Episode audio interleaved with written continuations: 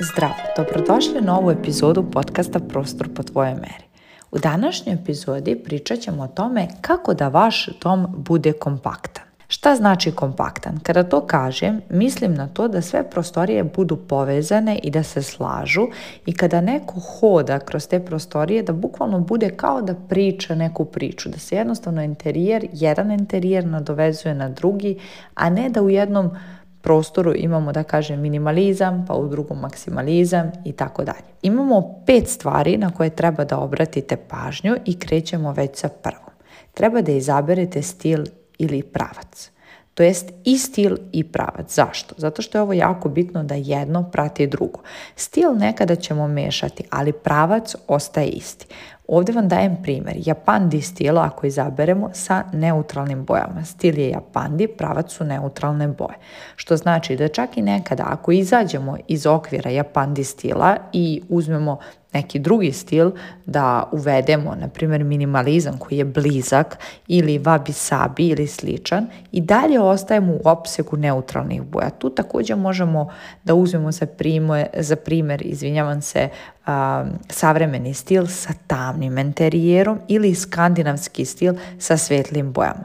Ovdje nećemo uzimati u obzir samo boje, nego i materijale i teksture koje će se voditi istom paletom. Druga stvar na koju treba da obratite pažnju jeste da mešate staro i novo. Kada ovo kažem, mislim na to da ako uzimamo nešto novo u prostoru, da to bude veliki komad, a nešto e, staro može da bude sitnica i može da bude i obrnuto čak u smislu da uzmemo nešto staro, neki veliki komad kao što je neka restaurirana komoda ili trpezarijske stolice ili trpezarijski sto, tako neki komad namještaja i onda neka nova stvar koja će u sve to ići da bude sitnica. Nećemo da pretrpavamo da i jedno i drugo budu istih dimenzija, znači premalo ili preveliko, nego treba tačno da se istakne razlika između ova dva.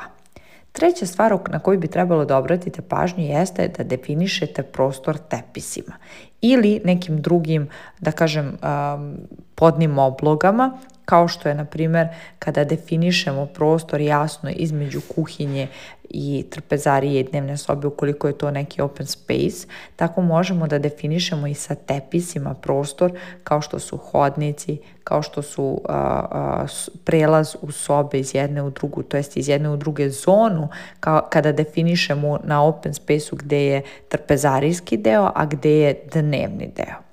Četvrta stvar na koju bi trebalo da obratite pažnju jeste da pravite slojeve sa raznim teksturama.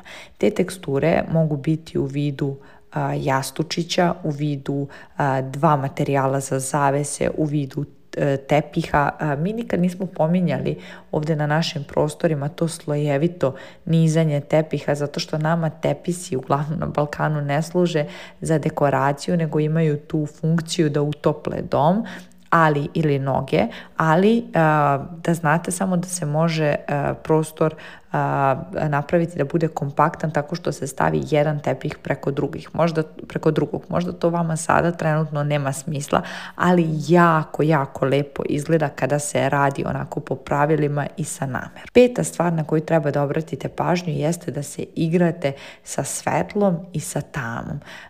Kada to kažem, mislim da pravite kontraste, e, da prirodno osvetljenje dovedete do izražaja tako što ćete neke delove namer namjerno a, potamniti, tako da kažem, i tako što ćete naglasiti one prirodne komponente, odnosno prednosti koje ima neki prostor. Ako su to visoki plafoni, ako je to open space koji ima dosta svetlosti, naglasite tu svetlost kontrastima u vidu detalja.